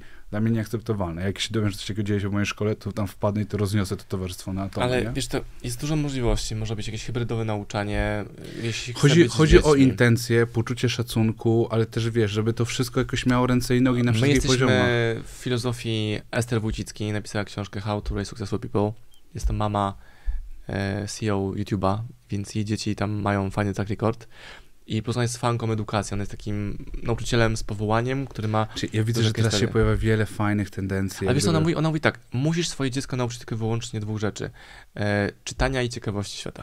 Dokładnie. Czyli naucz I angielskiego, będąc w Polsce. Nie No ale jakiegoś takiego... Jak umiesz czytać, no to już się tego nauczysz, bo jak Tak. masz doświadczenia, czyli moja córka sobie zamawia sama ciastko w cukierni w Portugalii, Mhm. daje, mówi tam umpasz jedynata, dostaje ciastko, mówi obrigada, bierze monetę i przybiega szczęśliwa. Czy wiesz co, ciekawości świata i takiej, takiego poczucia dasz radę plus takiego sprytu. Dobra, To jest masz- trenowanie od małego. Jak To ona, tato miała łyżki do zupy, to idź sobie poproś o łyżkę panią kelnerkę. Więc ona tak idzie, idzie, zatrzymuje się po drogi. Tato, jaki jest łyżka po angielsku? Sup. Okej, sup. E, Nie? Albo No. się mylą czasami zupa z łyżką, ale ona wie. A widzę wielu rodziców, którzy chronią dzieci przed tymi challenge'ami małymi. No wiem, a to jest siła tego, zamawiają oni łyżkę, byli... zamawiają zupę, jedz, jedz, jedz. Wiesz, ja, ja się w to bardzo wgryzałem na takim etapie swojego rozwoju i próbowałem to zrozumieć. I też trzeba oddać pewien szacunek tym starszym od nas, no bo oni dla odmiany byli wychowywani przez spokojnie ludzi, którzy widzieli wojnę i Dobra, byli przerażeni. ale wiele dorosłych ludzi No. zapomina o tym, że są dorośli, czasami I tylko mają. I trzeba pójść dalej, nie? Trzeba pójść dalej, ciach, Tak. okej, rodzice nie ogarnęli, ale ja jestem już dorosły i ja jestem za siebie odpowiedzialny, więc mi wychodzi, że oni nie mają odpowiedzialności. Jakby Marcin, No skąd to jest to, to, jest to, to, to o, do o czym zaczęliśmy No, być rozmowę. dorosłym. O, to- no tak. Że to prawda, ty, ale to też śmiech i chichy, no ale to też są, no, są różne źródła tych motywacji. Akurat dla mnie motywacją było to, że, że, że kurczę, wziąłem dużą hipotekę i, i, i, rodzi mi się dziecko, nie? Gdyby to była taka rzecz, która mnie nie po prostu tak bardzo spionizowała. No ale tak, w sensie branie odpowiedzialności za samego siebie, e, jakby to nie brzmiało jakoś tam coachingowo albo inaczej, no to Ej, jest... ale dorośli ludzie mają e, pracę, rodzinę, dziecko czy dziecko w drodze i oni rozkminiają, kurczę, nie mam motywacji, nie? Ja sobie myślę, ja pierdzielę, w sensie, Ale wiesz dlaczego też? Jak gdyby, Właśnie jak, ja jak, mi to mówisz, wiem. Dużo rzeczy ja odkrywam dopiero mówiąc o tym, bo ja na co dzień nie gadam o takich tematach, jakieś teraz tutaj gadamy, ale wiesz co? Mm, bo oni dali się, no nazwijmy to po imieniu, w pewien sposób zgwałcić mentalnie e, i, i przez to, że jak przez lata, jak od dzieciaka nie masz przestrzeni, żeby pójść za swoim, nie? Zostać tym elektrykiem, bo masz, żeby być elektrykiem. Dzisiaj przychodzi elektryk, bierze 3,5 stówy e, za godzinę pracy i myślę, że mu styka od pierwszego do pierwszego, ale po prostu się ja zajebiście jara elektryką i jest elektrykiem. styka. Jemu styka. E, wydaje mi się, że tam VAT jest pewną formą inspiracji, ale, jeżeli, no ale, no ale tak jest, żyjemy w takim społeczeństwie, taka jest prawda o tym, gdzie, o tym, gdzie mieszkamy, jak to wszystko działa. Nie twórzmy fikcji. Mm, I, I wydaje mi się, że właśnie jak gdyby ta motywacja umiera w tobie w miarę, no bo tak, najpierw poszedłeś do szkoły, ale kompletnie tego nie czułeś, wiadomo. no pchali cię, idź do szkoły, będziesz mądry. Nie, ale wiadomo, no, ta nasza edukacja była tragiczna, no jak gdyby, nie wiem, no ja akurat chodziłem do, do, do dobrych rzekomo szkół, gdzie, by- gdzie ci nauczyciele byli po prostu no, do odstrzału moim zdaniem. No chodziłeś do szkoły z metką, która miała wizerunek Z taki, metką, że no, to, to lepiej było nie- zło, nie? I, Ale też widzę wybory szkół teraz rodziców, że to ale jest poczekaj, dobre, to jest dobre. Później, ale później jeszcze, wiesz, kończysz tą szkołę, wpadasz do tego, wiesz, jakiej, jakiejś formy korpo i, i umówmy się, ci przedsiębiorcy, którzy byli sezon przed nami, to są ciężcy zawodnicy, nie? W sensie, gdyby ich podejście do zarządzania, takiego szacunku dla kreatywności drugiej osoby i też ja jednak uważam, że dużo jest w tym, e, że, że jednak w jakiś sposób twoje przekonania, albo na pewno nawet nie chodzi o takie wznośne słowa jak przekonania, ale ja na przykład pracowałem, ja i mój ojciec pracowaliśmy z tym samym deweloperem, bo właśnie przed chwilą odebrałem dom, nie? I ja widziałem z grubsza na tej budowie, komu ufać, a komu nie ufać, bo widziałem, kto gdzieś tam po paru pierwszych taskach cwaniaczy i tam nie będziemy dalej działać, a kto jest fajnym, autonomicznym gościem i zrobi mi te projekty do końca, wykończy mi to tak, jakbym chciał, myśli. I, i gdy wyczaiłem, że ktoś myśli, to, to, to tych budowlańców, starszych ode mnie ludzi, no bo to byli goście po 40, traktowałem z dużym dozą wyrozumiałości, z takim szacunkiem i taką wzajemną rozmową, dobra, to tą łazienkę robimy tak, tą tak, tą tak. Mój ojciec po prostu taki, wiesz, przez lata mm, uformowany przez sposobem myślenia, wszystkich traktował jako, wiesz, no jedną sztancą, jak gdyby taką trudną, no bo jak gdyby, że oszuka, że spieprzy, że tam zrobi jakby chciał. No i gdy moje projekty się realizowały, bez jakiegoś specjalnie wielkiego mojego zaangażowania, po prostu się to tworzyło, a wiedziałem, jak mój ojciec się siłował, nie? I, I te przekonania też w kontekście podchodzenia do pracowników, moim zdaniem, mogą być potężne, nie? No bo, bo, bo ja jak gdyby widzę to, że oczywiście nie można być tempo ufnym, nie? Że jak gdyby wszyscy są kreatywni. Nie, nie wszyscy są kreatywni. Ale jak wyczaisz kreatywnego gościa i dać mu przestrzeń do wzrostu, do współtworzenia z tobą, takiego aktywnego budowania rzeczy, nawet takiej głupiej rzeczy jak twojej budowy twojego domu, moim zdaniem jest super ważna, ale to jest suma jak gdyby tych gwałtów szkolnych, historii i innych rzeczy, która moim zdaniem mog- może owocować brakiem motywacji, tak jak cie, ciebie ktoś pyta. No ten brak motywacji jest pewną wypadkową ilości razy, które zostałeś patelnią po głowie. No dobra, ale oni mówią, chcę więcej, ale oni nie robią więcej i ja uważam, że oni nie muszą Ale robić chce więcej. więcej, czy deklaruje, że chce więcej? To jest dalekie od decyzji, gdzie No, no, decyzja to jest dalekie, akcja, nie. działanie. Bo to jest... miło jest popierdzielić o tym, że chce więcej. tak. Jest, nie wiem, czy ty czyta, pewnie czytałeś tą książkę. Mm, Startup bez pieniędzy. E, autorem jest e, Michalowicz? Mike Michalowicz. Mike Michalowicz. Toilet Paper Millionaire. Toilet Paper Millionaire, dokładnie po angielsku. Y, I on... Zdarzyło ci jakieś sytuacje, tak jesteś w toalecie, nie ma, nie ma papieru, a i tak musisz sobie poradzić? no to jest jakaś taka... Ale to jest myśl przewodnia tej książki. tej drugiego książki i on to Wiesz pokazuje jak, jako przedsiębiorczość. Nie, drugą chyba jest po pierwsze, nie, czy pierwszą jest po pierwsze zysk. Toilet Paper Millionaire to jest właśnie chyba to, jest później Pumpkin coś tam, Tak? e, no, trzy, cztery książki napisał. On chyba napisał trzy, cztery książki, ale gdyby ja czytałem te ostatnie, czyli gdyby te... Ale ten koncept idealnie przedstawia przedsiębiorczość. Jesteś w toalecie, nie masz papieru, a i tak musisz sobie poradzić. To jest przedsiębiorczość. Ale jak ja czytałem to z poziomu korpo, to to mnie raziło, nie? A teraz jak jestem przedsiębiorcą, to totalnie to czuję. To jest Bo też taka zmiana. No ktoś mi papieru nie przyniósł, muszę kogoś zadzwonić, kto, jaki department zajmuje się papierem w toalecie. Zgadzam się z Żaden, tobą. bo się sam nie przyniósł, nie? A i tak musisz sobie poradzić. Ale wiesz co, on na przykład, on co innego mówi. E, on robił takie ćwiczenie, które też lata mi zajęło, żeby szczaić w ogóle o co, o co temu gościowi chodziło. To znaczy, on robi takie ćwiczenie na swoich zajęciach z przedsiębiorczości, że wyjmuje stówę i pyta, kto chce tą stówę, nie? Nikt nie wstaje. To jest to? To strzelam, nie wiem. Ścinasz te puenty. Tak, tak w sensie, no, no, no, no. tak, tak, to jest to. A ty jesteś Nie, on- Marcin, on- w pierwszym rzędzie, wstają, biorą. On wyjmuje tą stówę i wszyscy, pon- to, opowiedzmy jak gdyby tym, którzy słuchają, żeby... Znaczy ja nie znam historii, tak strzeliłem, że tak właśnie wyglądała. Dobra. Okej, To pro, proszę. To przeleśmy przez tą historię, to będzie spoko. Gość podaje 100 dolarów i pyta, kto, kto chce te 100 dolarów, nie? Wszyscy podnoszą ręce. Wszyscy podnoszą ręce. Nie, nie wszyscy w ogóle. Nie, nie, to w ogóle jest, że nie wszyscy.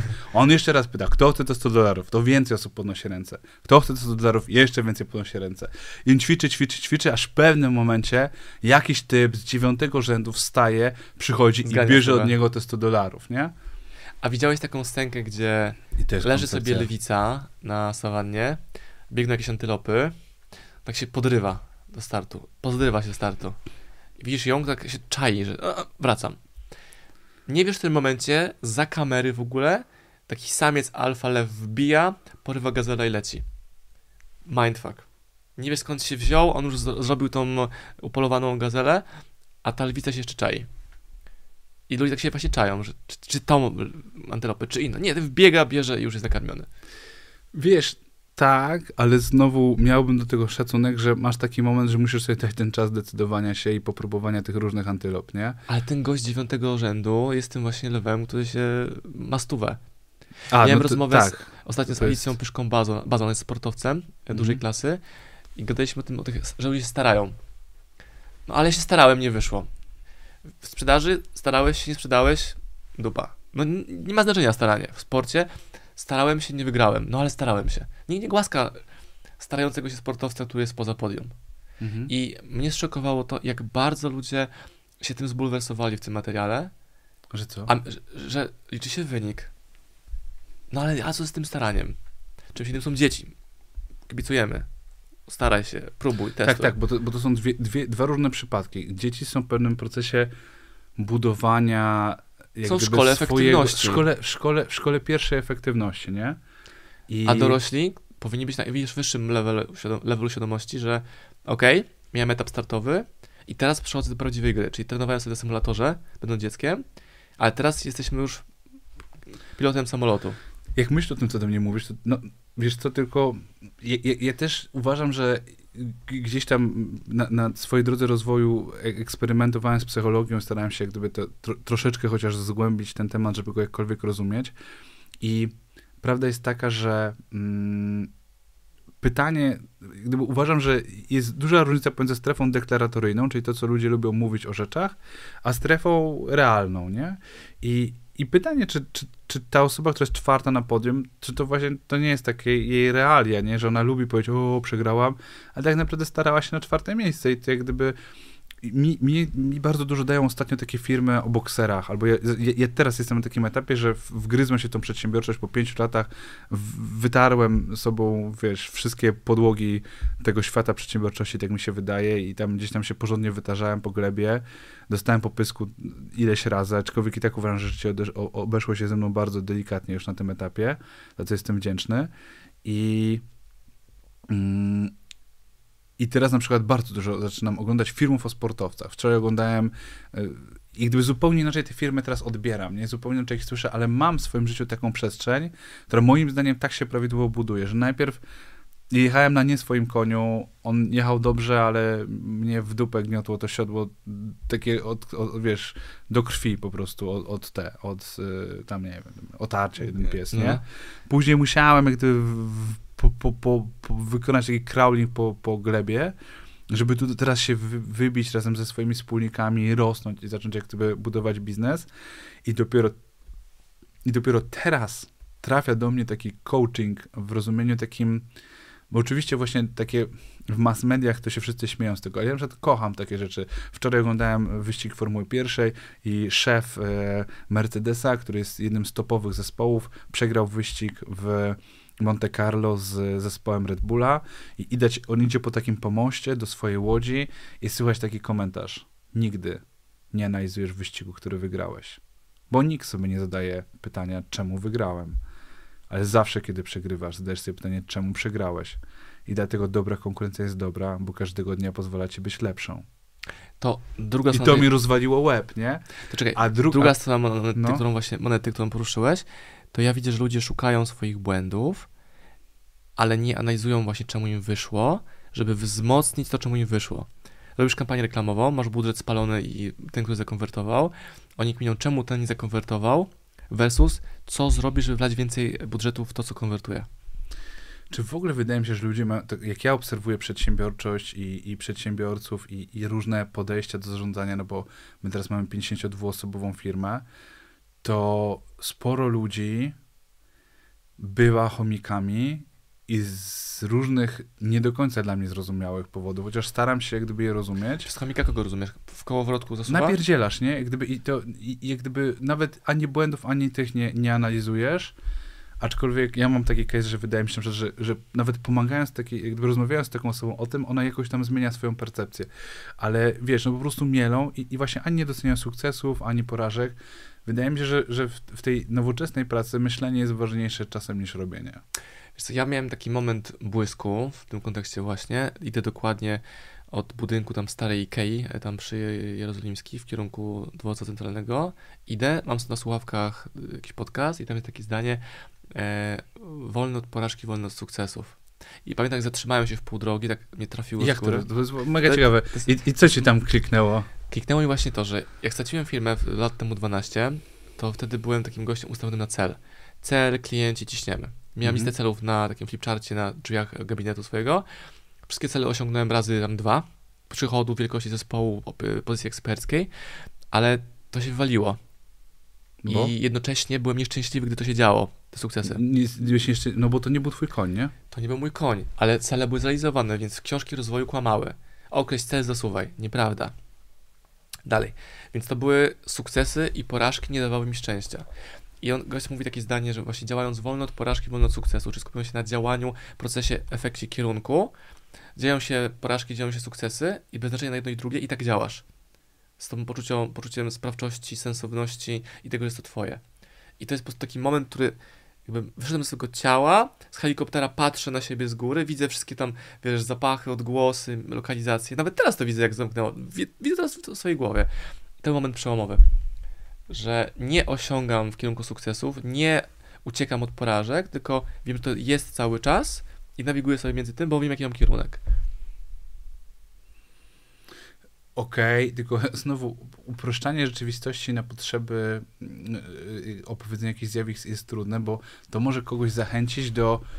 Bo ja- ja to rozumiem, o czym ty myślisz, ale to, Są ludzie, którzy to, je, działają a w to nie jest, bez to celów nie i jest kompletnie wolny od, od, od porażek. Że, Czy dzia- działaj pomimo Wiesz co, wydaje- po, wydaje- sukcesów i pomimo porażek. Okej, i- Bo są takie zdania, że działam pomimo porażek, ale nie słyszałem, żeby ktoś mówił, działam pomimo moich sukcesów nadal. Dokładnie, bo wydaje mi się, że, ten, że, że jak gdyby ktoś może to zdanie zrozumieć wolno sukcesowi porażek, że jakikolwiek efekt osiągnę, e, to jest ok, że mierność jest ok. To nie jest pochwała mierności, co teraz powiedziałeś, tylko Wręcz przeciwnie, bo to jest poziom wyżej. To jest poziom wyżej, że, jak gdyby, że dobre zrozumienie tego cytatu jest poziom wyżej, czyli jak gdyby jestem, jak gdyby ok są porażki i ok są sukcesy, a ja mam jakiś taki bardzo długoterminowy cel, w kierunku którego idę i cisnę. i... Czy jeśli jest porażka, nie załamie się, jaki jest sukces, to mnie odpierdoli. Tak. O, no. wolne tłumaczenie tego Tak. cytatu. Dzień dobry. tak, mamy to. Mamy to. E, to. A to jest bardzo ważne, bo moim zdaniem jak gdyby też widzę, naprawdę wydaje mi się, że oczywiście może to nadużyciem będzie, że równie dużo biznesów zwinęło się w wyniku sukcesu i porażki, ale ja na przykład widzę w finansach, że mm, sukces potrafi być mega przyczynkiem bankructwa firmy w rozumieniu finansowym. W sensie, bo kiedy nie umiesz policzyć biznesu, kiedy nie rozumiesz. W ogóle mamy, mamy w przygotowaniu taki materiał na naszym YouTubie, gdzie pokazujemy, jak za szybki wzrost biznesu wywraca firmę. I teraz na przykład w przypadku software house'ów, albo szybko rosnących firm produkcyjnych, albo różnych innych, na przykład budowlanych, za szybki wzrost wywala firmę. Jest w stanie wywrócić firmę bardzo skutecznie i bardzo dużą łatwością. Mm, I, no i ale w ogóle na wielu poziomach sukces jest w stanie wrócić firmę, ale moim zdaniem w ogóle to jest ciekawe, w szczególności w perspektywie zarządzania jej finansami, sukces jest w stanie cię wywrócić. A jak ty w ogóle straciłeś swoją firmę? Nie wiem, czy o tym opowiadałeś. Bo... E, wiesz to wiele razy, więc spróbuję coś teraz innego powiedzieć niż to, co było w innych materiałach. Może esencjonalnie. Esencjonalnie zbudowałem firmę niedopasowaną do siebie, No. czyli pracownicy, biuro i tak dalej, a ja jestem w trybie małego teamu, ale nie wiedziałem, że mały team może zarabiać duże pieniądze. Bo nie miałem nikogo wokół siebie, kto ma mały team, zarabia duże pieniądze. Wszyscy wokół, którzy mieli kasę, Mhm. mieli te firmy, biura i samochody. Ale jestem z tej samej, z tej samej gliny, to ty, wiesz? Też jak gdyby jestem zwolennikiem tego, że... Jak ktoś mówi o ilości swoich pracowników, to i czeka na. Ja mówię, moje kondolencje. Jak to? Tak. Ka- każda gazeta mówi, zatrudnia 100 osób, ma Tak. wielkie biuro w centrum. Czy ja w ogóle uważam, powiem ci, że kurczę, nie, nie chcę tutaj nikogo urazić, ale uważam, że w ogóle dziennikarstwo biznesowe w Polsce robi przedsiębiorcom młodym wiele krzywdy. Pełna zgoda. Nawet nazwałem kreują- sobie coś takiego, jak siedziałem na tych kurde, no bo ja będąc inwestorem przez lata, albo zarządzając funduszem inwestycyjnym, spędziłem dziesiątki godzin na spotkaniach z ludźmi różnych, takich, na takich, wiesz, gdzie jest dużo osób na sali, gdzie jest mało osób na sali, pierdylion tego było. I nazwałem sobie taką chorobę z 5 lat temu, którą nazwałem TechCrunch Overdose, nie? Kurde, naczytałeś się to, jak gdyby, kurde, to dziennikarstwo, dzie- dziennikarstwo biznesowe jest formą, kurde, takiej pornografii, nie? Takiej, że Ale buduje ci lud to... tego chce. Ir, no lud tego chce, Jeden czyta ale później ci Forbesa, biedni drugi goście... czyta panią domu i myślisz z Forbesa, że jest Czy w lepszy ogóle- od, pani domu. W ogóle fakt, że zarządzamy, że mamy możliwość zarządzania finansami y, różnych firm, pomagania, też mam bardzo duży dystans do, do tego, co ludzie mówią w mediach, no bo nikt nie zna prawdziwych cyfr, no Na, bo... Narzędzia propagandowe, nazywane narzędziami marketingowymi, działały od dawna i działają Nie, zawsze nadal. działają, nie? Sam działam w Propaganda marketingu działa. i widzę przed to, jak, jakim narzędziem są niedomówienia. Ale, naj, ale powiem ci, że jedni, jedni- z najgrubszych klientów, których mamy, tacy potężni naprawdę przedsiębiorcy, oni są tak cichutcy. Oni po prostu mają bardzo dobry model biznesowy, bardzo dobrze mają to wszystko pospinane, mają dob, dobry, dobry go-to-market i oni nie muszą się wydzierać, że idzie u nich dobrze, bo w tym czasie wybierają sobie skórkę do nowej Panamery, nie? A jednocześnie jest też tak, I że oni są bardzo ciści część- prywatnie. druga strona tej monety znowu, e, że to słynne zdanie, że pieniądze lubią ciszę. Lubią ciszę. Też nie do końca Nie, to nie jest prawda. Pieniądze nie lubią ciszy, bo żeby zrobić pieniądze, musisz być głośny, ale bądź głośny o swoim produkcie, o problemie, który rozwiązujesz, o tym, że pomagasz, jak gdyby, w jaki sposób wnosisz, bo na przykład, powiem ci, obłędne równanie, nie wiem, czy je kojarzysz, ale pewnie ci świta w głowie, przychody minus koszty równa się zysk. Mm. Fucking amazing, nie? I jak gdyby to jest niesamowicie skomplikowane równanie, jakby zastanowić się, jak przesuwać tymi dwiema rzeczami. Bo oczywiście, jeżeli za 100 zł wystawisz faktur i masz kosztów 50 zł, zostaje ci 50 zł zysku. To wiemy. No i teraz powstaje pytanie, jak zwiększyć zysk? No bo to jest oczywiście pytanie do dyrektora finansowego. No ja chwilę spędziłem, tak mniej więcej 10... Wszyscy mówią, no zwiększyć przychody. No tak. Druga część powie, ale robić tak, żeby koszty. koszty ściąć albo żeby rosły proporcjonalnie A, a po, zakładałem, że pierwsze lata nie kumałem do końca w ogóle, co, co robię, więc dlatego liczę 10 lat siedzenia w finansach, przejrzenie blisko, myślę, z 300 firm, które albo zainwestowaliśmy, albo które mieliśmy zainwestować, albo z których się exitowaliśmy, albo którzy byli naszymi klientami. I moje zrozumienie sytuacji jest na dzisiaj takie, że aby równanie przychody minus koszty równa się zysk dało większy zysk, to musisz zwiększyć ilość wartości, którą generujesz dla klienta i to, jak dobrze ją komunikujesz. Kropka.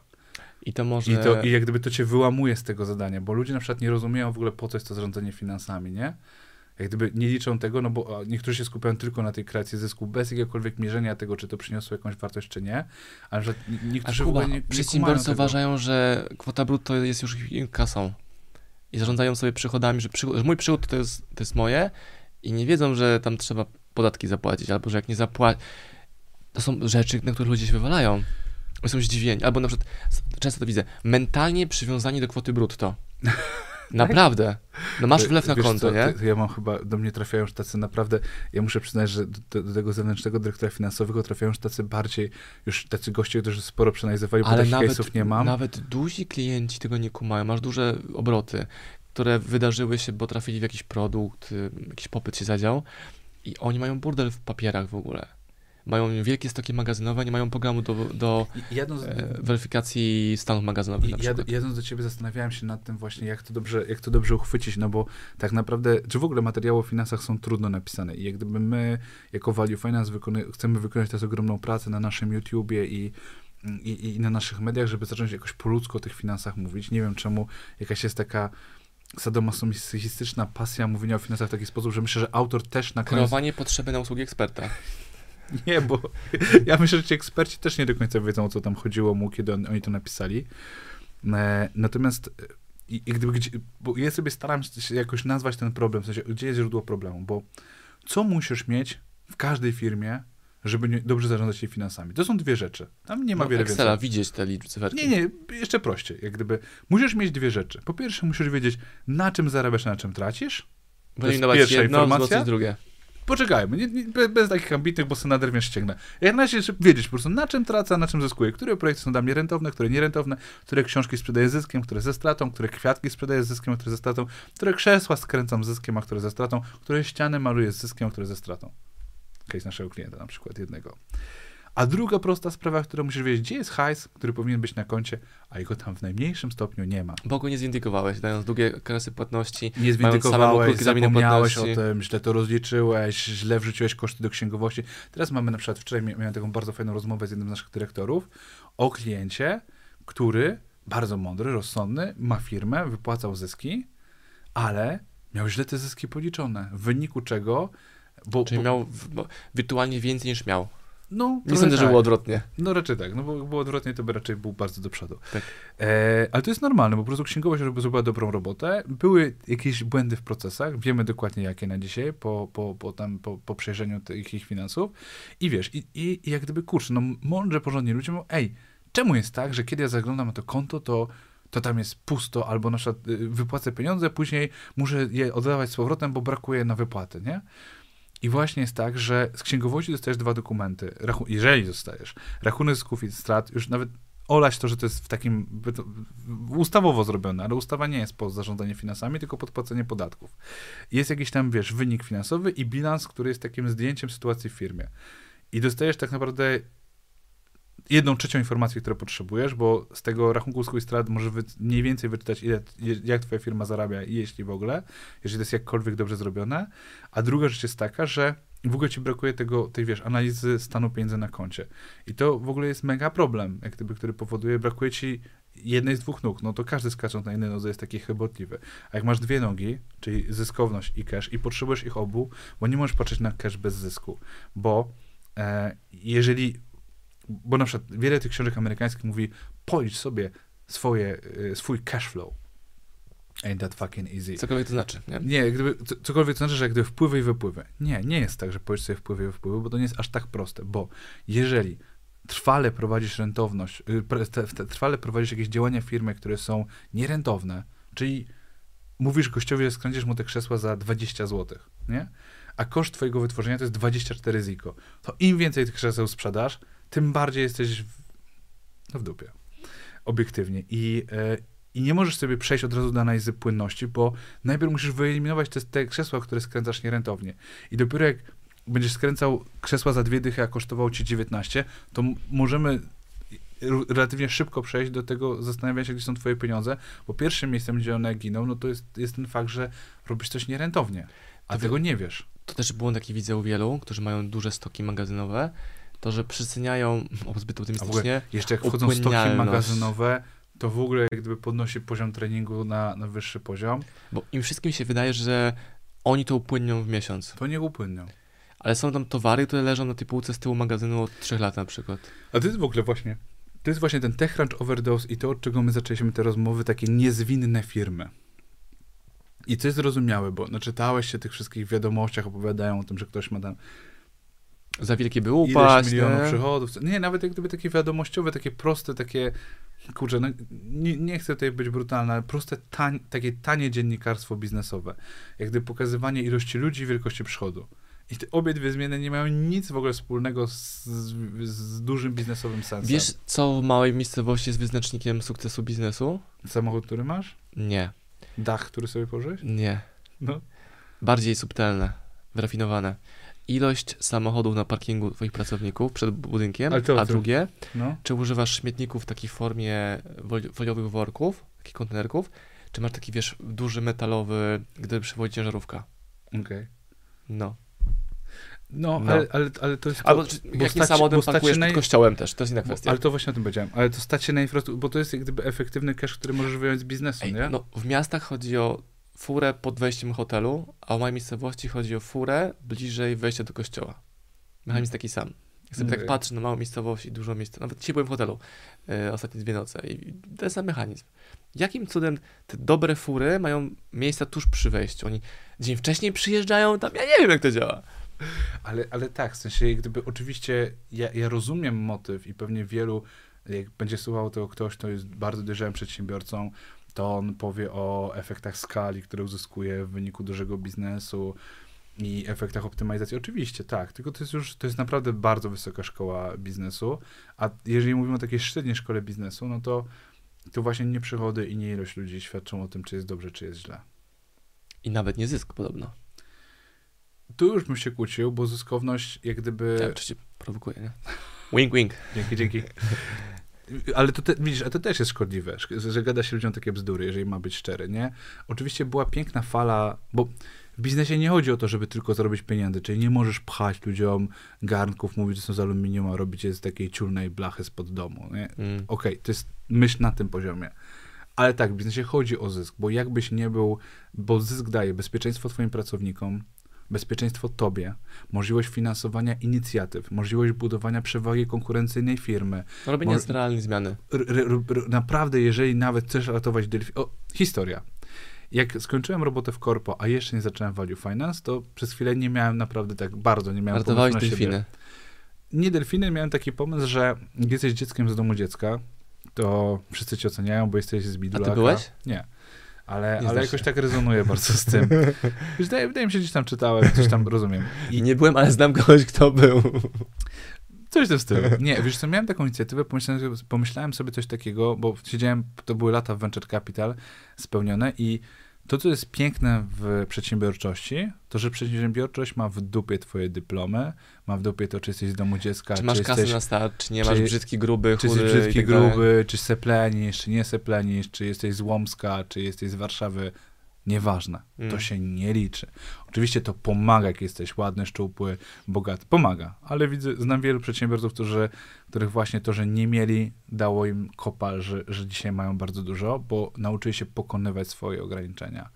Natomiast to, co dla mnie jest piękne w przedsiębiorczości, to, że ona nie ocenia. I tak sobie pomyślałem, że co można dać na przykład ludziom, którzy są w trudnej sytuacji, czy dzieciom na przykład z domu dziecka, co by dało im relatywną szansę na przyszłość. I dla mnie wpadłem na to, że jakaś taka forma uczenia ich przedsiębiorczości. No bo Mhm. tu daje im wolność, że mogą wyjść, założyć sobie pierwszą firmę i po prostu jakoś funkcjonować, nie? A uważasz, że Poczekaj. Wię... Nie, wa- właśnie nie będę czekał, nie będę czekał? Nie będę czekał. No. Ale więcej da im iPad, czy więcej da im- szkolenie z tobą z finansami? O, a propos finansów. To, jest, to nie jest tak proste. W sensie Ja to, uważam, że jest proste. Ja uważam, że szkolenie z finansami. Z Oczywi- finansów, nie iPad. Oczywiście, że tak, tylko, Ale potrzebuję iPada, żeby świat poznawać. Gówno prawda. Nie no, możesz pojechać do Empiku i usiąść na tyłku i przeczytać książki. I to jest, to jest niesamowite, bo jak gdyby jesteś drugą osobą w moim życiu, którą znam, która osiągnęła sukces tak pracując w ogóle. Że, że naprawdę, e, że, że tak się uczyła. I to jest, to jest Zjadając piękne. książki w Empiku zamiast je kupić. Tak, no ale nikt, to nigdzie nie jest zakazane, w sensie nic się złego nie dzieje, Empik przeżyje, e, Empik się cieszy, że jest dużo ludzi i Śmieję pozdrawiamy się, że Empik, nie? dlatego właśnie naszych książek nie ma w Empikach, nie? Bo to nie opłaca. Żarcik. No, no. E, Kończąc historię o dzieciach i delfinach, no. Tak, i, i wiesz co, i chciałem założyć fundację. I Mhm. akurat wtedy to był taki okres, że dużo moich y, prominentnych kolegów wracało z MBA w Stanach. I zadzwoniłem do jednego z nich i mówię, słuchaj, ty, ty masz takie przeloty, y, masz dużo za dużo pieniędzy, masz takie przeloty socjalne, słuchaj, może byś coś takiego zrobił. Mówi, stary, spoko, no tylko trzeba skreślić na jakiś biznesplan, wiesz, to musi zarabiać. I nie, no kurde, czego ty nie rozumiesz w tym, co ja dzisiaj tłumaczę? To jest fundacja, to nie zarabia. A, to ja nie chcę się do tego przykładać. Mówię, dlaczego ty nie chcesz się tego przykładać? To jest bardzo prostego powodu. Bo u nas, być fundacja, która umrze. u, u nas na Kolumbii, czy tam na Stanfordzie, czy na Harvardzie, jest tak, że wszystko musi zarabiać, bo gość, który będzie menadżerem tej fundacji, która będzie uczyła te dzieci, ma swoje dzieci w szkole, ma hipotekę, on nie będzie mieszkał pod mostem, tylko potrzebuje kupić sobie mieszkanie, nawet na obrzeżach Mokotowa, bo nie musi mieszkać w centrum, ale dalej musi zapłacić te 12 koła z metra, musi mieć zdolność kredytową, musi sobie kupić jedzenie, musi pojechać na wakacje, żeby się odpocząć i jak gdyby nie chcesz, żeby twoim światłym, światłym pomysłem naprawy świata zarządzała osoba, która ledwo jest sobie w stanie pora- poradzić, żeby zarobić na życie. I jeżeli nie będziemy mieli 20 koła na porządnego menadżera, który będzie szefem tej fundacji, to ta fundacja nie będzie działać, więc potrzebujemy kasę na szkolenia, na dojazdy, na jakiś marketing tej fundacji, żeby te domy dziecka wiedziały o tym, żeby z tego korzystać i, i jak gdyby, żebyśmy zatrudnili jakiegoś menedżera, jakichś ludzi i żeby została jakaś kasa po prostu na to, nie zysk, że robimy to po to, żeby zarobić, ale potrzebujemy zysku po to, żeby móc sfinansować marketing tej fundacji, e, zatrudnić dobrych ludzi, którzy poprowadzą ten Wiesz, projekt. więc na przykład ciekawi ekstremalnie historia Wośpu, jak tam jest naprawdę. Ja nie mam pojęcia, jak tam jest. Zdrowo moim zdaniem, to jest super zyskowna organizacja, dlatego ja może być tak duża. Ja jestem pro zarabianie jak najbardziej zawsze. Jest dużo jakiegoś tam show medialnego i oni są najwięksi, więc najbardziej ich atakują media. Ale ja, ja, ale nie, chciałbym, takie niekumające ja media. nie chciałbym, żeby on był biedny, szef fundacji. Ale to jest bez sensu. Ja uważam, że Owsiak, jeżeli zarabia 60 koła miesięcznie, to uważam zarąbiście. Stworzył największą akcję humanitarną, która pomaga rozwiązywać jakiś mega wielki problem. Skrzyknął telewizję, media, zorganizował ruch społeczny. Za to się należy 60 koła miesięcznie. Bycie biednym nie jest cool. Mm. Kropka. Jak gdyby to jest cała historia. Ja rozumiem, że jesteś na takim etapie w życiu, gdzie się uczysz, jak gdyby i wyłapujesz, jak gdyby. i Ja, ja, ja też byłem zajebiście biedny, jak gdyby przez parę lat, kiedy rozkręcałem swoją firmę i naprawdę nie było śmiesznie. E, ale, ale no, to był taki okres, nie? Ja nie, nie, nie, nie, robiłem z tego jakiegoś kultu, bo my w ogóle żyjemy w takim Polsce, jest jakiś taki kult biedy, nie? Że bycie biednym jest cool. Y, takim umartwionym, takim no wiadomo, jak gdyby religia, tak? Ja mam, wiesz, że mam sporo hejtu, wiesz za co? Za co? Że jestem uśmiechnięty i radosny. U mnie ciężko znaleźć... Kurde, myślę, że jak wypuścimy ten odcinek, to faktycznie mnie nikt nie hejtował jeszcze, ale widzę, że otwieram się na nowe. A, Widzisz, wiesz ma, z moimi podcastami tak jest, że małe podcasty mają mało hejtu. e, ale to jest takie uderzające, że ludzie kwestionują, czy to u mnie jest autentyczne. Jedyne moje nieuśmiechnięte zdjęcia są na miniaturkach na YouTubie, filmików, No. bo mój montażysta poprosił, daj mi emocje na obrazkach, żeby miał jak robić emocje na miniaturce. Mam nie, wszystkie da- zdjęcia... Nie, nie dawaj mi emocji na obrazkach, że miał robić jak na miniaturze, tak? Czy... Nie, że daj mi swoje zdjęcia No. z różnymi emocjami na twarzy. Strach, śmiech, yy, wiesz, obawa. Ja musiałem pozować przed aparatem, żeby dać mu to do miniaturek. No, Bo wszystkie moje zdjęcia były takie. I takie no to tak, tak jest. E, Czy, ale E, ci, że... Nie, nie, chyba. My musimy skończyć. A, My gadamy półtorej godziny. kurde. No dobra, mieliśmy, no, wiesz co, jakoś nam się skleiło. E, Value, fi, val, valuefinance.pl Awesomepower.pl Tak jest. I rozmowa, która... Ona nie miałaby końca. Nie miałaby. Ale wiesz co, warto gadać. Gdyby ja bardzo wierzę w rolę tych kanałów, wierzę w to, co robią, robisz ty i parę innych osób z tej sceny. Znaczy, ja uwielbiam rozmowy, przy- a nie wywiady, rurę, wiesz? nie? Rozmowy są genialne, bo... Znaczy, ja pytam ciebie, co mnie interesuje. I przy okazji są te kamery i mikrofony. Tak. I to są najlepsze wideo, które też później moi słuchacze, widzowie doceniają. Tak? No, najgorsze są takie wywiady. mm, Dzień dobry, chciałem cię zapytać, tutaj mam pięć pytań. Ja takie robię o coś chodzi. No to właśnie o tym mówię, tych małych podcastach, nie? Dobra. Jak, Zacząłem be, 5 miesięcy temu, weź się uspokój. jak będę u ciebie, dasz mi tą agendę tych pytań, tam będzie ciekawe, jak ty prowadzisz wywiady. Można sobie zobaczyć dokładnie. Zaproszę cię. Jak Gdyby tylko daj, daj mi wylądować moje jakieś prywatne tematy, ale, ale myślę, że przed wakacjami ty będziesz u Znam mnie. doskonałe studio, gdzie możesz nagrywać. Dzięki, Kuba. Dziękuję ci.